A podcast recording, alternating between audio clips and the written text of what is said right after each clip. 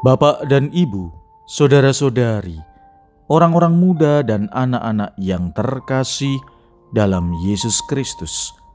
Selamat pagi, salam bahagia dan salam seroja untuk kita semua, berkah dalam. Bersama dengan saya Romo Antonius Garbito Pambuaji menyampaikan salam dan berkat Allah yang Maha Kuasa dalam nama Bapa dan Putra dan Roh Kudus. Amin.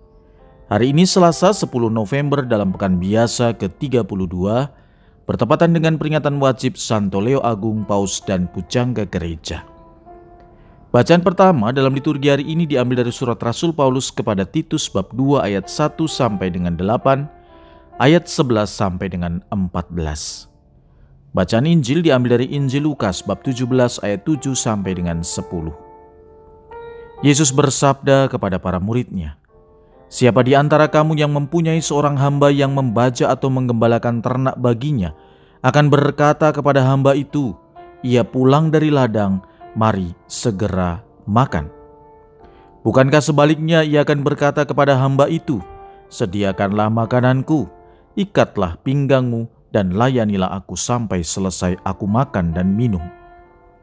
Dan sesudah itu engkau boleh makan dan minum Adakah ia berterima kasih kepada hamba itu karena ia telah melakukan apa yang ditugaskan kepadanya?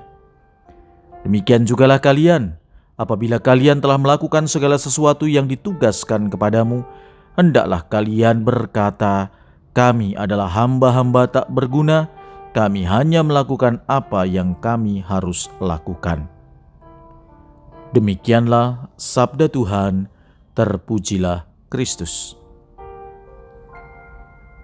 Saudara-saudari yang terkasih dalam Yesus Kristus, dalam kehidupan kita sehari-hari ternyata keinginan mendapatkan penghargaan merupakan salah satu penghalang kita melayani Allah. Itu sebabnya Yesus mengingatkan murid-muridnya dengan mengutip tata kerama seorang hamba terhadap tuannya sebagaimana kebiasaan pada zaman itu. Ketika melakukan tugas, kita bukanlah Tuhan yang berhak menerima pujian. Sebaliknya, kita adalah hamba. Bahkan, bukan hanya pujian yang tidak layak kita terima, sekedar ucapan terima kasih pun tidak boleh kita harapkan. Yesus, Putra Allah yang menjadi manusia itu, memberikan teladan bagi kita. Yesus mengenapkan seluruh tugas yang dibebankan Allah, yaitu sampai wafat di kayu salib dalam kehinaan tiada tara. Ini sebuah pengajaran dari Tuhan Yesus bagi kita yang bisa jadi tidak lazim, namun inilah keutamaan Kristiani yang berkenan bagi Allah. Apakah saudara-saudari merasa lesu melayani Tuhan?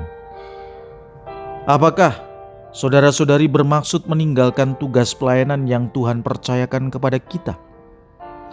Atau saudara-saudari tidak ingin melayani karena merasa pelayanan itu tidak ada gunanya. Apalagi hanya karena tidak mendapatkan penghargaan ataupun sekedar ucapan terima kasih. Bila keinginan itu muncul, cobalah selidiki. Apakah hal itu terkait oleh tiadanya penghargaan atau pujian yang saudara atau saudari terima? Lalu pandanglah Kristus yang telah meninggalkan teladan dengan hidup sebagai hamba, sekalipun Dia adalah Tuhan kita. Saudara-saudari, apa pun pekerjaan dan tugas kita saat ini, marilah kita menjalankannya dengan sepenuh hati. Memang, dalam Injil Lukas bab 7 ayat 10 Tuhan Yesus mengatakan, sebab seorang pekerja layak mendapat upahnya. Namun hal itu akan terjadi jika kita menjalankan dengan kesungguhan dan ketulusan hati, bukan semata-mata menjadikannya sebagai orientasi. Sebab apa pun pekerjaan kita, jika itu dilakukan dengan sepenuh hati akan mempunyai nilai yang luhur. Baik di hadapan Allah maupun di hadapan sesama. Kerja merupakan suatu usaha yang bermanfaat karena memungkinkan seseorang mencapai pemenuhan sebagai makhluk manusia. Marilah kita berdoa.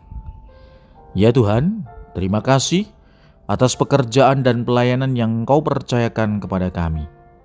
Semoga kami dapat bertanggung jawab dan tetap setia melakukannya sesuai dengan kehendak-Mu. Berkat Allah yang Maha Kuasa, dalam nama Bapa dan Putra dan Roh Kudus. Amin.